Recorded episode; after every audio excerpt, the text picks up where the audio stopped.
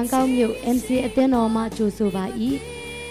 ဤတရားစကားတော်သည် အသက်ရှင်သောကြောင့်သင်ဤဘဝတစ်ခုလုံးပြောင်းလဲပြီးကောင်းချီးဖြစ်မည်ဟုကျွန်ုပ်တို့ယုံကြည်မျှော်လင့်ပါ၏ဤတရားစကားအပြင်တန်ရှင်တော်ဝိညာဉ်တော်သင်အားစကားပြောပါစေသောဤတရားဟောချက်သည် စီးပွားရေးအဖြစ်မဟုတ်လျင်လက်ဆင့်ကန့်ကူးယူဖြန့်ဝေနိုင်ပါသည် အပတ်စဉ်တရားဟောချက်များခံယူလိုပါက mcatalent.com တွင်ဆက်သွယ်နိုင်ပါသည်ရှိလို့မဖြစ်တော့တာသမီးများကျွဲကိုရပေးချင်နှုတ်ကပတော်လေးဖြစ်ပြီးပါတော်မြတ်စွာသောဘုရားသခင်နှုတ်ကပတ်တော်လက်တော်ထဲမှာအနန္တခါမှာခရရှင်ဝိညာဉ်တော်ဘုရားမဆပါကြီးတော်မှုပြုပါတာ၍နားလေနိုင်သောဝိညာဉ်တော်ဘုရားမဆပြီးကောင်းကြီးဖြစ်စေပါမည်ကြောင်း အသက်ရှင်သောသခင်ခရစ်တော်ဖခင်နာမတော်များနဲ့ယုံသေးစွာဆုတောင်းပါ၏ပါအာမင်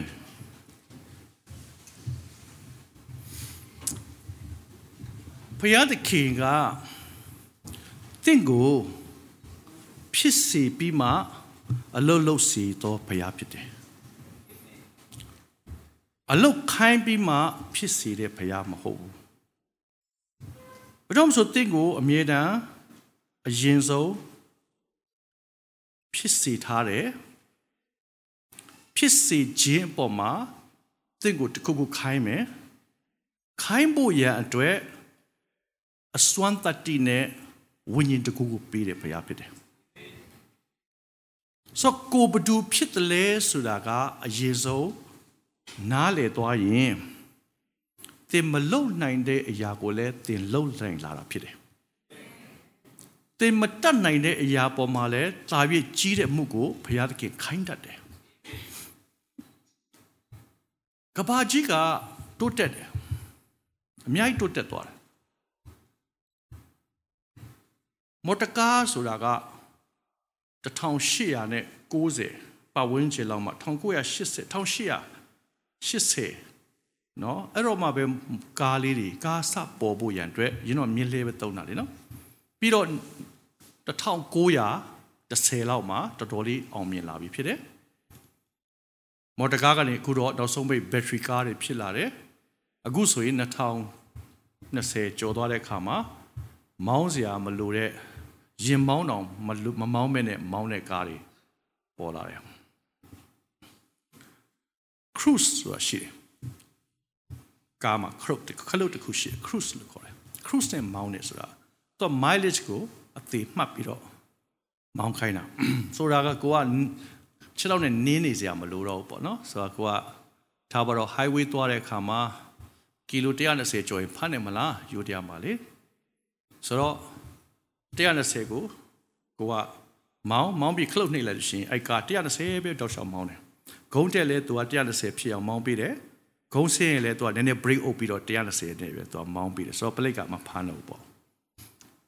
အခုတော့ချက်ခဲ့တဲ့ပတ်ကဆရာကဆရာကမှအဲ့ဒါပါတယ် cruise ပါတယ်ဆရာရဲ့ကားဒါကိုမျိုးမင်းအောင်ကားနဲ့ဆရာနှခွန်ဆောင်သွားတဲ့ခါကျတော့သူ့ကားကဒီနေ့ပို advance ဖြစ်တယ်ဆရာကားကတော့120ဆို120ပဲရှေ့ကနီးလာရင်လည်းသူမရပ်ပေးဘူးเนาะရှေ့မှာလူဖြတ်ပြေးလဲတိုက်ပလိုက်မယ်သဘောရှိတယ်ဆိုတော့ဆရာ120မောင်းပင်မဲ့လက်ထိထားရတယ်အမြဲတမ်းလေနော်လက်ထိထားတယ်ရှေ့မှာကားဒီနေ့ short တယ်ဆိုရင်ဆရာ cruise ကိုဖြုတ်ပြီးတော့ short လိုက်ရတယ် သူ့ကားကြတော့အဲ့ဒါမဟုတ်တော့သူ့ကားလည်းလည်းပုံမြင့်တယ်ဆရာကျွန်တော်ကားအဲ့ဒါမဟုတ်ဘူး sensor ပါတယ်တဲ့ဟုတ်တယ်သူကတော့130 135လောက် cruise လောက်ထားတယ်แต่ရှေ့ကကား90ပဲမောင်းရင် तू ကအနောက်အနားရောက်လို့ရှိရင်လေ तू ကရော့သွားတယ်90တက်မှ तू မောင်းတယ်ရှေ့ကဘေးဖယ်သွားတော့မှ तू က130ပြန်တင်တယ်ဩနော်မကောင်းလားအေးကောင်းတယ်အဲ့ဒါဘယ်သူထွင်လဲဉာဏ်ပညာနဲ့ထွင်တာဖြစ်တယ်ဒီနေ့ဆရာတို့ဘမ်ဘိုထောင်းပြန်လာတဲ့ခါကျတော့ဆရာမလည်း ဘေးကကားတက်စလာဖြစ်တယ်ဘေးမှာကားတစ်စီးရတက်စလာမောင်းတော့ကြည့်လိုက်တော့အဲ့ဒီအဲ့ဒီလူကစတီယာရီမကင်ဘူးကွာသူကမကင်မင်းနဲ့သူကအေးစေးကြည့်တယ်အဲ့ဒါဆရာလည်းဟာတယောက်ကောင်းဒီကောင်ကွန်ပျူတာနဲ့မောင်းနေတယ်ကွာမိမကိုပြတော့မိမလည်းဟုတ်တယ်နော်သူမကင်ဘူးသူကသူအော်တိုမက်တစ်မောင်းနေတယ်သူဂျပန်တို့ဘာတော့မှဆိုတော့အခုဆိုရင်တော့ ဘတ်စကားအစလူမပါတဲ့ဟာတွေမောင်းလာကြပြီလေယထာလည်းဒီမှာလုပ်တယ်လေပြောယထာကတော့သူ့လမ်းမှာသူမောင်းတာလေပြဿနာမရှိဘူးမော်ဒကားဆိုတော့ဟိုပြည့်ဒီပြည့်သွားတာဟုတ်လားဆိုတော့ဒါတွေအားလုံးက1880 90လောက်ကစကြတဲ့အောင်မြင်ခြင်းတွေကဒီနေ့ပုံမှုပြီးတော့အောင်မြင်လာတာဖြစ်တယ်ဆိုဖျားခင်က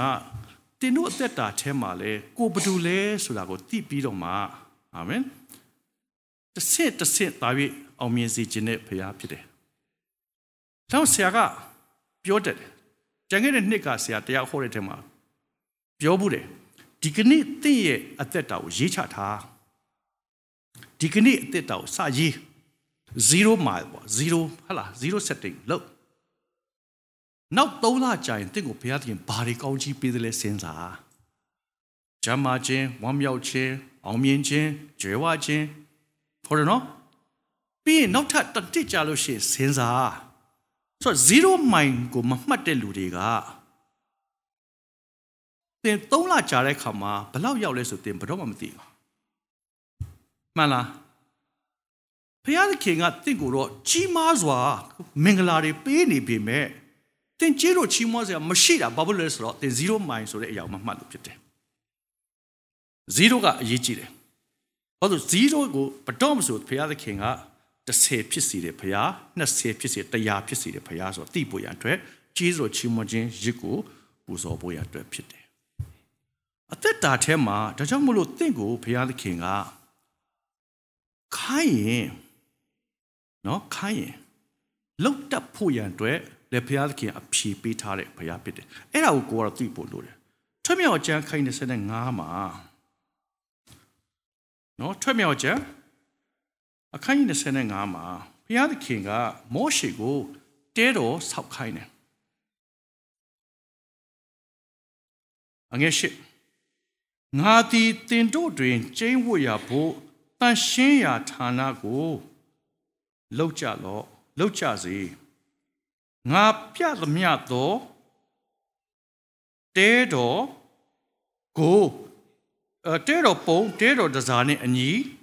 လောက်ရ မည်နော်ဆိုဘုရားခင်ကမောရှေကိုမှာတဲ့ခါမှာမင်းတို့လည်းငါလာမနေမယ်ပေါ့ယူသားပြောရင်ဖျားဖြစ်လျက်လူတွေကြားမှာလာနေမယ်မောရှေကပရောဖက်ကြီးဖြစ်တာတကြောင်နော်ဘုရားစကားရပြီးတော့မှဒါပေမဲ့စဉ်းစားကြည့်တဲ့အခါမှာသူ့လူတွေအားလုံးကတဲတော်ဆောက်ဖို့မပြောနဲ့လေလောက်တော့လှုပ်တတ်တယ်အုတ်တော်ဖုတ်တတ်တဲ့အဖွဲ့တွေနှစ်ပေါင်း430လုံးလုံး ကျွန်အနေနဲ့ယက်တီခါတဲ့ခါမှာကျွန်စိတ်ရှိလားမရှိလားဆိုတော့သူတို့ကအတတ်ပညာအစွမ်းတတ္တိဆိုတဲ့အပိုင်းကတော့အားနည်းမယ်လို့တွေးလို့ရတယ်တဲတော်ဖြစ်သောကြောင့်လိုအပ်တဲ့အရာတွေအများကြီးရှိလိမ့်မယ်သို့တော့သို့တော့ဘုရားသခင်ကခိုင်းသွားပြီးတဲ့ဖြစ်ချင်းကိုလှုပ်ထားတယ်အဲ့ဒီအပေါ်မှာသူကကြီးသောအမှုကိုထပ်ပြီးပေးတဲ့ဘုရားဖြစ်တယ်။ဆိုအခန်းကြီး31ကိုရောက်လာတဲ့အခါမှာဆရာတော့တွေ့တယ်အဲ့ဒါ အခန်း31ထွက်မြောက်ကြမှာပဲဆက်ဖတ်တဲ့ခါမှာလေနော်31ရောက်တဲ့ခါမှာအငယ်1ကိုဖတ်တပန်ထာရဖယားသည်မောရှေအားမိန်တော်မူပြန်ဒီကနားထောင်လို့ငါသည်ယူတအမျိုးသားဟူရာဤသားဖြစ်သောဥရိဤသားဘေဇာလီလကိုအမိဖြင့်ခန့်ထားတယ်ဆိုခန့်ထားခြင်းရောက်လာပြီသူသည်ရွှေငွေချွေးဝါကိုလှုပ်သောအတတ်ကြောက်ကိုသွေး၍စီသောအတတ် တစ်သားကိုထုလှုပ်သောအတတ်နှင့်အမျိုးမျိုးသောအလုတ်ကိုထူးဆန်းစွာလှုပ်တတ်မိအကြောင်းလှုပ်တတ်ယုံမဲမဟုတ်ဘူးနော်ဆရာအဲ့ဒါလေးကိုထောက်ပချင်တယ်လုတ်တယုံမြမဟုတ်ဘဲနဲ့ထူးဆန်းစွာလုတ်တရမယ်ဘုရားသခင်က supernatural ဘုရားဖြစ်သောကြောင့်တင့်ရဲ့အလုတ်လုတ်ချင်းပေါ်မှာလဲထူးခြားစွာလုတ်တတ်သောဘုရားဖြစ်တယ်ဆိုတော့ တဲတော်ဆောက်ခိုင်းတယ်ကိုတော့လူမရှိဘူးလို့မောရှေကပြောကောင်းပြောမယ်ဒီပညာပေါ့ဗျာဟုတ်လားဘာလို့ဆိုဒီမှာစဉ်းစားကြည့်လေရွှေငွေကြေးဝါကိုလှုပ်တဲ့အတက်ကဲကြောက်ကိုသွေးပြီးတော့မှစီတဲ့အတက်ကဲတစ်သားကိုထုလှုပ်တတ်တဲ့အတက်အမျိုးမျိုးလှုပ်တတ်ဖို့ရတဲ့ကိုတော်ကထူးဆန်းလှုပ်တတ်မိအကြောင်းဘာဆက်ပြောဉာဏ်ပညာနဲ့တကွသိပ္ပံအတတ်မျိုးမျိုးတို့ကိုငါပေး၍ဘယ်လိုပေးမှာလဲ ဖယားကပေးမှာဘယ်လိုပေးတာလဲဖယားကပေးမှာခိုင်းတယ်မဖြစ်နိုင်ဘူးဖခင်ကငါပေးမယ်ဘလို့ပေးလဲသိလားဖဖျားသခင်ဤဝิญဉ်တော်နှင့်ပြည့်စုံစေ၏ဟာလေလုယာဒါဆိုရင်သင်သိပြီသင်သိဖို့လိုတယ်တဲ့တက်တာထဲမှာဘုရားသခင်ကဖြစ်စေခြင်းဆိုတဲ့နေရာတစ်ခုကိုရောက်ရင် အဲ့ဒီနေရာမှာတင့်ကိုလှုပ်ဖို့ရအတွက်ဉာဏ်ပညာကိုလည်းပြင်ဆင်ပေးမယ်ဘုရားဖြစ်တယ်။သို့တော့အဲ့ဒါကိုသင်ဘယ်လိုယူမလဲ။အရေးကြီးတယ်နော်။အရေးကြီးလားမကြည့်ဘူးလား။ကြီးတယ်။ဘုရားသခင်ကတင့်ကိုချစ်တဲ့ဘုရားအောင်မြင်စေခြင်းတဲ့ဘုရားအလင်းစားဒါတွေအလုံးကဟိုဖျားဘက်က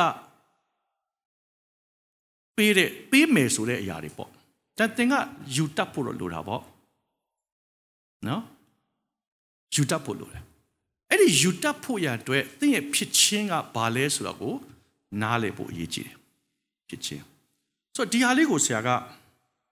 ပြောပြချင်တယ်နော်အဲ့ဒါလေးမိမောင်းပြီးတော့မှစဉ်းစားရအောင်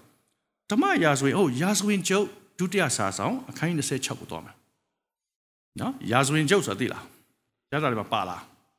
ဘယ်နာမှာလဲတနည်းရရမှာပါတယ်နော်ဒါမင်းသား489မှာဟလားဓမ္မရာဆိုရင်ပထမဓမ္မရာဆိုရင်ပထမဆောင်ဒုတိယဆောင်တတိယဆောင်သရုပ်ဆောင်ပြီးလို့ရှိရင်ရာဇဝင်ချုပ်နော်ရာဇဝင်ချုပ်1ပြီးလို့ရာဇဝင်ချုပ်2ဆိုတော့600ဆိုပြီးတော့ပြောလို့ပြောထားရှိတယ်ဆရာတော့600လို့မပြောဘူးရာဇဝင်ချုပ်ဒုတိယဆောင်လို့ပြောမယ်ဟဲ့ second chronicle နော်အဲ့ဒီအခန်းကြီး26မှာယုဒရှင်ဘုရင်အောစီအကြောင်းပါတယ် အောဇိအကြောင်းပါသူကယူဒဘရင်တွေကြားထဲမှာနော်ယူဒဘရင်တွေကြားထဲမှာ73ဦးမြောက်သောဘရင်ဖြစ်တယ်လို့ဆရာနားလည်ထားတယ်။ဒီဆရာတစ်ချက်ကလေးပြန်ကြည့်ပေးမယ်နော်။ဘာလို့ဆိုတော့သူကယူဒရှင်ဘရင်တွေကြားမှာအောဇိမင်းကအာ12ယောက်မြောက်နော်ဒါဝိဒ်တို့ရှောလမုန်တို့တောက်လျှောက်ဆင်းလာလို့ရှိရင်သူ12ယောက်မြောက်ယူဒရှင်ဘုရင်ကနေပြီးတော့မှဖြစ်လာတဲ့ဘုရင်ဖြစ်တယ်။ ဩစီမင်းအကြောင်းဒီနေ့လေ့လာရအောင်။ဒီဟာကဆရာသင်တို့အသက်တာထဲမှာနော်သင်တို့ဖြစ်ချင်းရဲ့သင်တို့ကိုယ်တိုင်ယူခြင်းနှစ်ခုကိုခွဲပြီးတော့ဆရာပြောချင်လို့ဖြစ်တယ်။ပြပြောမယ်နော်။သင်တို့ကိုဖြစ်ချင်းဆိုတဲ့သင်တို့ဘယ်လိုလဲဖြစ်တာတခုရယူအောင်ဘယ်လိုပြင်ဆင်လဲဆိုတာတခု။ကွာလားမကွာဘူးလား။ကွာတယ်။နော်အဲ့ဒီအရာလေးကိုဆရာရစီခြင်းလို့ဒီနေ့ပေးမယ်โอเค ယူဒပြည်သူပြည်သားအပေါင်းတို့သည်အသက်16နှစ်ရှိသောသားတော်အောဇိကိုယူ၍ခမည်းတော်အရာခမည်းတော်အာမဇိအရာ၌နန်းတင်တယ်ဆိုအောဇိကဘာဖြစ်သွားလဲဘယင်ဖြစ်သွားတယ်သူ့ဖခင်အာမဇိဆုံးသွားတဲ့အခါမှာသူကဘယင်ဖြစ်တယ်အသက်ကဘယ်လောက်လဲ16နှစ်ဘယင်16နှစ် 16နှစ်ဆိုတာ teenagers ပေါ့နော်73 14 15 16ဆိုတော့တကယ်ကိုလူပြိုပေါက်ဆလှုပ်ချင်တာလှုပ်လို့ရတဲ့ကာလယာဒူးနဲ့စဉ်းစားမယ်ဆိုရင်တဲ့ဦးဆံပိုင်ဘယင်စနစ်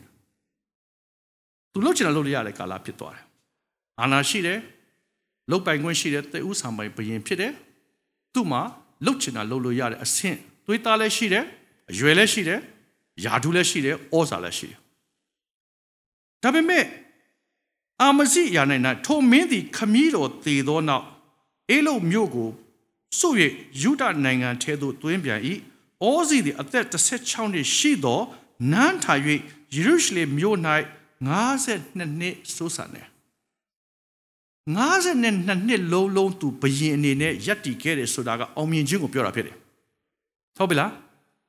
တချို့ဘယင်တွေဆိုရင်တစ်နှစ်နှစ်နှစ်နဲ့ပြီးသွားတယ်တချို့နေဆို10နှစ်တည်း တချို့ဘယင်ဆိုသူ52နှစ်လုံးလုံးနေတယ်လို့ရေးထားခြင်းအမှုဟာအသက်ငယ်ငယ်နဲ့ယာဒုတစ်ခုကိုရတယ်အဲ့ဒီယာဒုဟာတာမန်ယာဒုမဟုတ်ဘူးတင်ဒီလေထိုကဲ့သို့သောဖျားသားဖြစ်ရတဲ့အခွင့်အရေးဖြစ်ရုံမျှမကမင်းစည်းစိမ်ရှိသောယေဘရဟိတ်မျိုးတဲ့ပြောလားမပြောလားတစ်ပြခါကြီးနှစ်ငယ်ကိုမှာပြန်ပြောမယ်နားထောင်တစ်တစ်ပေအခန်းကြီးနှစ်အငယ်ကိုမှာပါပဲ မှောင်မိုက်ထဲကနေပြီးတော့အလင်းတွေကိုဆွဲထုတ်ပြီးတော့မှပြောလားမပြောလားဖခင်ဘုန်းတော်ထင်ရှားဖို့ရန်သင်ဟာမင်းစီစိန်ရှိသောယေဘရဟိဆိုတဲ့အသက်အရွယ်အဖြစ်အသက်16နှစ်မှာခရစ်တော်လက်ခံတာဖြစ်နိုင်တယ်အသက်30မှာရတာဖြစ်နိုင်တယ်အသက်80ကျောင်းမှာခရစ်တော်ရတာကြိုက်တဲ့အချိန်မှာဖြစ်ပါစေသို့တော့တင်ဒီလဲထိုကဲ့သို့သောအခွင့်အရေးကိုရောက်လာတဲ့သူဖြစ်တယ် ဒါပေမဲ့အိုးစီအတွက်ကတော့ပို့ပြီးတော့ထိုးချတာသူကငငယ်ရွယ်ရွယ်နဲ့ဘယင်ဖြစ်လာသောကြောင့်သူ့သက်တာထဲမှာလှုပ်ချင်တာလှုပ်လို့ရပေမဲ့သူလှုပ်သလားမလှုပ်သလားစဉ်းစားရအောင်အခွင့်အရေးရရင်လှုပ်တတ်တဲ့လူတွေရှိတယ်တင်းတို့ပတ်စံမရှိတဲ့ချိန်မှာတော့ဘုရားကျောင်းအရန်လာတာနော်ဟုတ်လားမဟုတ်လားရေလေမြည့်ရင်နဲ့ဒီနောက်မလာလာဆူတောင်းတဲ့ဖွဲ့တွေရှိတယ်နော်ဒါပေမဲ့အောင်မြင်သွားတဲ့ခါကျတော့ လာတာကပေါ့သွားတယ်မလို့တော့ဘူးဘုရားဒီနေ့အဲ့ဒါကကျွန်တော်တို့အတွက်အန္တရာယ်ရှိတယ်ဒီနေ့အသက်တာထဲမှာဘုရားသခင်ကသူ့ကိုဆင်းရဲလို့ကိုးကွယ်တာလဲလိုချင်တဲ့ဘုရားမဟုတ်ဘူးချမ်းသာလို့ကိုးကွယ်တာလဲဖြစ်စီခြင်းတဲ့ဘုရားမဟုတ်ဘူးသင်လိုမှကိုးကွယ်စေခြင်းတဲ့ဘုရားလည်းမဟုတ်သင်မလိုတဲ့ချိန်မှာလည်းကိုးကွယ်စေခြင်းတဲ့ဘုရားမဟုတ်ထိုဘုရားကဘုရားဖြစ်သောကြောင့်ကိုးကွယ်စေခြင်းတဲ့ဘုရားဖြစ်တယ် အဲ့ဒါကိုကျွန်တော်တို့ရအောင်ယူဖို့လိုတယ်ငါလိုနေတဲ့အချိန်မှာကိုတော့အကြီးကျယ်နှလုံးသားနဲ့ကိုးကွယ်တာကောင်းပါတယ်နှလုံးကြေခွဲပြီးတောင်းရမယ့်အဆင့်တွေချိုးမဲ့ခြင်းခံရတဲ့ကာလရှိတယ်လူတိုင်းမှာရှိတယ်ဆရာတို့လည်းရှိခဲ့တာပဲဒါပေမဲ့အဲ့ဒီမှာပဲနေနေဖို့မဟုတ်နားလည်လားမသိတော့ခဏခဏချိုးပဲ့ခြင်းခံရတဲ့ဘဝမှာနေဖို့မဟုတ်ပျောက်တော့တာတစ်ခါတော့ပျောက်တယ်လေနောက်တစ်ခါဆက်မပျောက်ဘူးလေဆရာသတိထားမိနော်ပျောက်တော့တာဘယ်တစ်ခါပျောက်လဲတစ်ခါပဲပျောက်တယ်တစ်ခါပဲပျောက်တယ် ခဏနေတော့ပြန်ပျောက်သွားတဲ့သားဆိုမရှိဘူးလေနော်မပါဘူးကျန်းစာဦးတယ်သူနောင်တအမှန်တယ်လေပြောချင်တာကတစ်ခါတလေမှားသွားတာပုံမှာသင်ငန်းစာဟုတ်ပေမဲ့ထပ်ပြီးတော့အချိန်ချင်းလဲဖို့မဟုတ်ဘူးလို့ကျွန်တော်ပြောတာပါနော်ဘယ်နေဘယ်နေချိန်မဲ့လောလောပြန်ထရမယ်ဆိုတဲ့ဩဝါဒရှိပါတယ်ဒါလည်းဆရာသဘောတူပါတယ်ဒါပေမဲ့ခဏခဏလဲဖို့အားပေးတာမှမဟုတ်ပဲအဲ့ဒါကသင်ကိုအားပေးတဲ့စကားကဘာဆိုပြန်ထကွာဘုရားသခင်သင်ကိုချစ်တယ်ဆိုတဲ့အပိုင်ပေးတာနော်ဆိုတော့ဒီမှာသူကငယ်ရွယ်စဉ်ဖြစ်ပေမဲ့ ဘယင်ဖြစ်လာတဲ့အခါမှာ तू ဘာလုပ်တယ်လဲလို့ကြည့်အောင်အိုးစီဒီအသက်ဆက်တော့နော်မေတော်ကယေရုရှလင်မြို့သူယေခေါလိအမည်ရှိတယ်။တော့မေကဘာလို့လဲယေခေါလိဘယ်မြို့ကလာလဲယေရုရှလင်မြို့ကဒါဆိုယေရုရှလင်မြို့ဆိုတာဘုရားသခင်ဗိမာန်တော်တည်ထားတဲ့နေရာဖြစ်တယ်။ဆိုအဖေကဘုရားကိုကြောက်ရင်တော်သူဖြစ်တယ်။အမေကယေရုရှလင်မြို့သူဖြစ်သောကြောင့်နတ်ကိုကိုးကွယ်တာမဟုတ်ဘူး။ဒါပေါ့နော်တခြားဘာသာကိုးကွယ်တာမဟုတ်ဘူး။ ဩဝါဒရှိတဲ့ယေရုရှလင်မြို့မှာနေတယ်တရားကိုသိတယ်တရားတိုင်းနေတယ်တရားတိုင်းကျင့်ခလေးကိုတင်တယ်တင်တဲ့ခါမှာမင်းဖေအသက်16နှစ်မင်းအသက်16နှစ်မင်းဖေတည်လိမ့်မယ်လို့လည်းမပြောထားဘူးကြိုတင်ပြီးတော့တွန်တင်ထားတဲ့အခါမှာဒီကလေးကအသက်16နှစ်အချိန်မှာဘယင်ဖြစ်တော့သူဘာဖြစ်လဲဆိုတော့ထိုမင်းသည်ခမည်းတော်အာမစီပြုသည့်အတိုင်းထာဝရဘုရားရှေ့တော်နဲ့တရားသောအမှုကိုပြုတယ်ဟာလေလုယာအဲ့ဒါကအမွေဖြစ်တယ် မိဘတို့ရဲ့တာဝန်နဲ့တွန်တင်ထားတော့အသင်းတော်ဆိုတဲ့နေရာရှိထားတော့အစုဝေးဆိုတဲ့နေရာရှိထားတော့သင်ဟာတရားသောအမှုကိုသင်ပြုတတ်တယ်အာမင်သူငယ်တို့ကိုငယ်ရွယ်စဉ်ကလေးကတွန်တင်ပါလို့ပြောလားမပြောလားဆုံးမတော့ကြီးလာတဲ့ခါမှာသူဒီဘုရားလမ်းတော်လည်းမလွဲသွားဘူးဟုတ်တယ်နော်ဆိုတော့ငငယ်လေးတွေကမိဘတွေရဲ့တွန်တင်ခြင်းကအရေးကြီးတယ်သင်ဟာသင် မိသားစုထဲမှာပထမအဦးဆုံးပြောင်းလဲလာသောပုဂ္ဂိုလ်ဖြစ်နိုင်တယ်အမျိုးတွေထဲမှာတရားတယောက်တည်းပထမပြောင်းလဲလူလည်းဖြစ်နိုင်တယ်။နောက်မလို့ generation မှာ generation ပေါ့ဟလားအဖေမိကခရိယန်တင်လဲခရိယန်ဖြစ်လာအဖိုးဖွားခရိယန်တင်လဲမြီးအနေနဲ့ခရိယန်ဖြစ်လာတယ်။ဆရာဆိုရင်60လေနော်ဆရာဆိုရင်ခရိယန်60ကနေပြီးဆရာဒီနေ့ဆိုရင်ဆိုတော့ဆရာဘာပြောချင်လဲဆိုတဲ့တက်တာမှာတင်ဟာပထမအဆုံးပြောင်းလဲလာတဲ့လူဆိုရင်တဲ့အမျိုးတွေမှာတင်ဟာပထမဆုံးပြောင်းလဲတဲ့လူဆိုရင် တင့်ကိုတွန်တင်မဲ့ယေရုရှလင်မြို့ကယေခေါလိမရှိဘူးပေါ့မှန်လားရေခေါ်လေးဖြစ်သို့တော့ဘုရားသခင်ကမပစ်ထားတဲ့ဘုရားဖြစ်တယ်ဆိုတော့အာဗြဟံကိုဘုရားသခင်ခေါ်တဲ့အခါမှာ तू ကပထမဆုံး generation လေဟုတ်တယ်နော်အာဗြဟံကစဉ်းစားကြည့် first generation तू က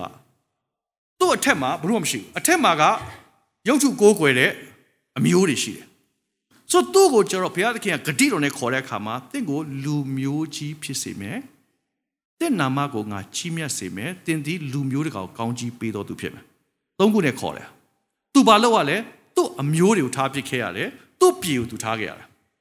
ဆိုတော့ခရစ်တော်ကိုတင်ဘဝကြမှာနဲ့တဲ့အမျိုးတွေအထက်မှာတင်ပထမဆုံးယူတဲ့လူဆိုရင်အဲ့ဒါကြုံရတယ်ကြုံလားမကြုံဘူးလားနော်ပြစ်ပယ်ခြင်းခံရတာရှိနိုင်တယ်အဲတစ္ဆာဖောက်သွားပြီလားဆိုပြီးတော့ဝိုင်းပြောတာရှိနိုင်တယ်ဒါပေမဲ့အဲ့ဒီအရာတွေအားအလုံးကိုတင်ကကိုရိုနာကိုလိုက်တော့မှဖြစ်တယ်ဟာလေလုယာ ဒါပေမဲ့ဘာနဲ့လိုက်လဲဂတိတော်နဲ့လိုက်တယ်တဲ့လူမျိုးတဲ့ကောင်ကလူမျိုးကြီးဖြစ်စေမယ်ဆိုတဲ့တဲ့အားဖြင့်ဂတိတော်ပြည့်လာမယ်ဆိုတဲ့အရာကိုပြောတာဖြစ်တယ်ဟာလေလုယာတဲ့အားဖြင့်ကျွန်တော်ဆရာကဒီနေ့ဟလာအမျိုးတွေမှာ6 6ဆက်ပေါ့နော်6ဆက်ဆိုတော့ဆရာရဲ့အဖိုးဖိုးဖိုးဖိုးကြီးอ่ะပထမဆုံးပြောင်းလဲလူရှိတာပေါ့ရှိလားမရှိဘူးလားသူလဲဒီလိုပဲ ပုံကံမှာပေါ့ပုံကံလေးဆိုဆိုလို့ပေါ့နော်ပြောချင်တာသူရဲ့သူ့ရဲ့အမျိုးတွေကိုသူထားခဲ့ရမယ်သူ့ပြည်သူထားခဲ့ရတယ်လေယဉ်ကျေးမှုတွေခံယူချက်တွေအလုပ်ထားခဲ့ပြီးတော့မှဘုရားနောက်ကိုလိုက်ရတယ်မဟုတ်လားသို့တော့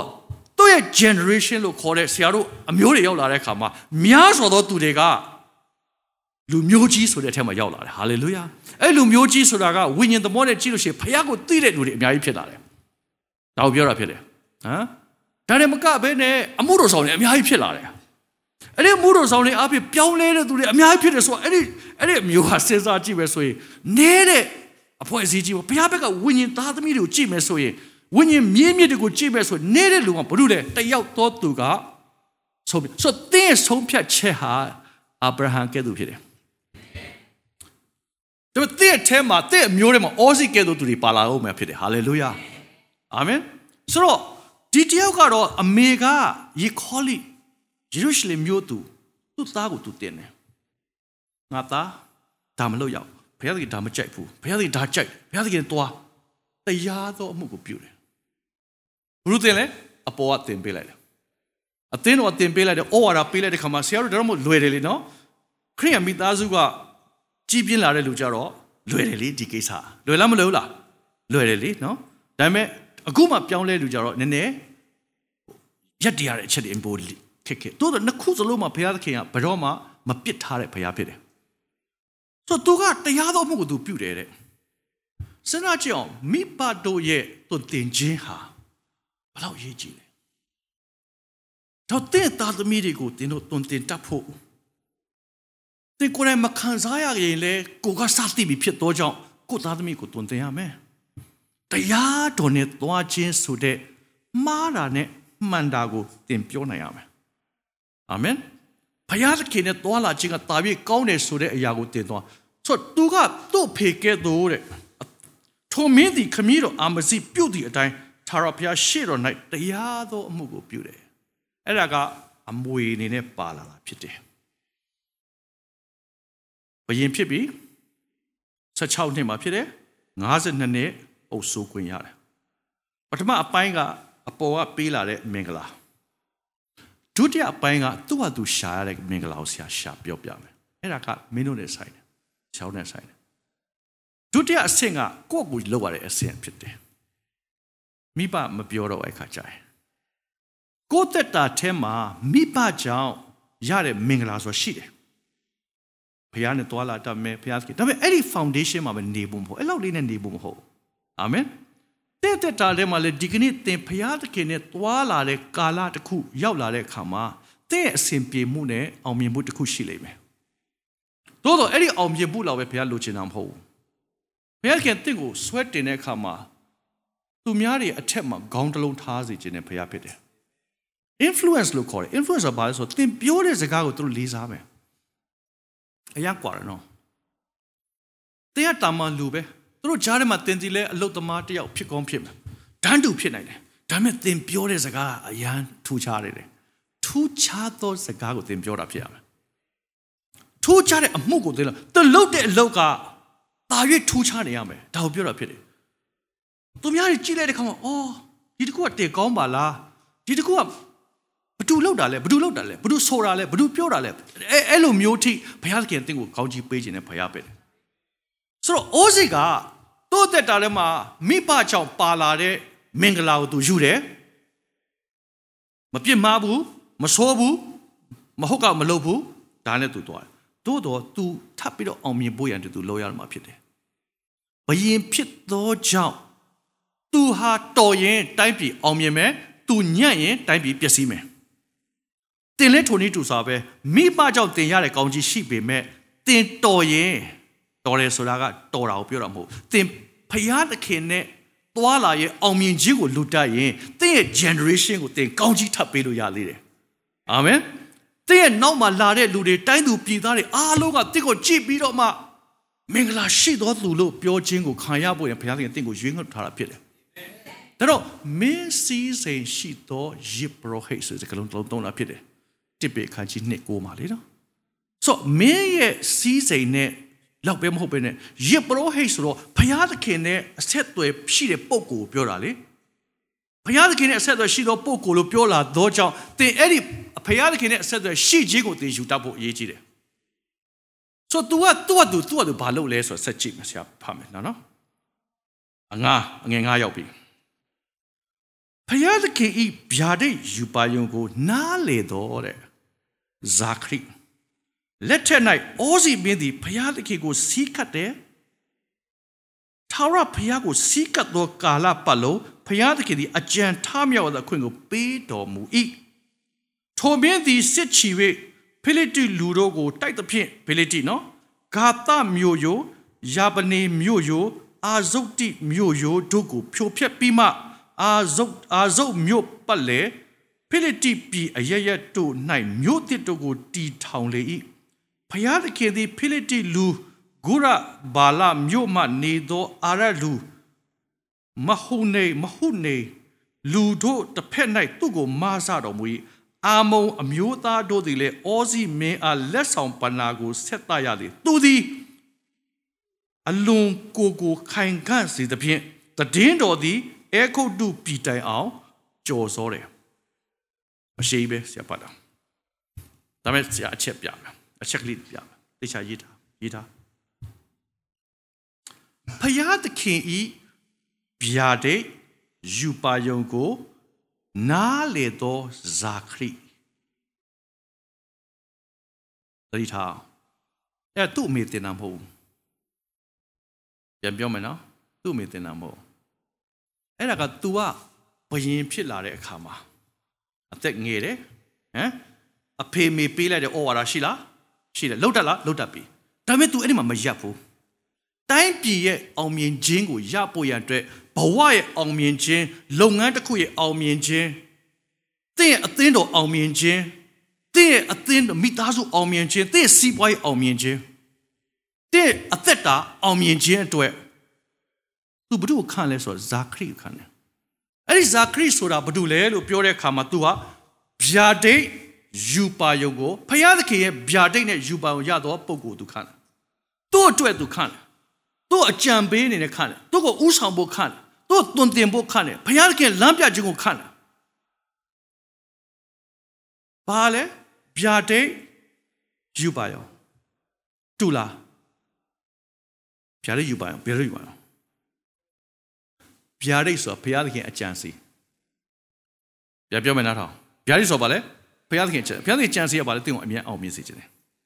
တင်ရလောကအလင်းလောက်ရစားအဲ့ဒါဗျာဒိတ်အဲ့ဒါဘုရားသခင်ယူဗျာဒိတ်တော်ဖြစ်တယ်ယူပါအောင်ဆိုတာဘာလဲအဲ့ဒါကိုငါဘယ်လိုယူမလဲလို့စဉ်းစားငါဒီနှစ်မှာဒါကိုရအောင်ယူမယ်အဲ့ဒီယူပါအောင်ကြည့်တာဘုရားသခင်အကြံစီကတော့အကြီးပဲပြန်ပြောမယ်နော်ဘုရားသခင်အကြံစီကြီးလားဗျာဒိတ်တော်ကြီးလားကြီးတယ်တင့်ပေါ်မှာဘုရားသခင်အကြံစီအရန်ကြီးတယ်ဒါပေမဲ့တင်ချက်ချင်းမရောက်ဘူးလေအဲ့ကို တင်ဘယ်လိုရောက်မလဲယူပါအောင်တစ်ဆင့်ချင်းတစ်ဆင့်ချင်းတစ်ဆင့်ချင်းရောက်မလားမရောက်လားရောက်တယ်အဲ့တော့အဲ့ဒီဇာခရိကဖျားသခင်ရဲ့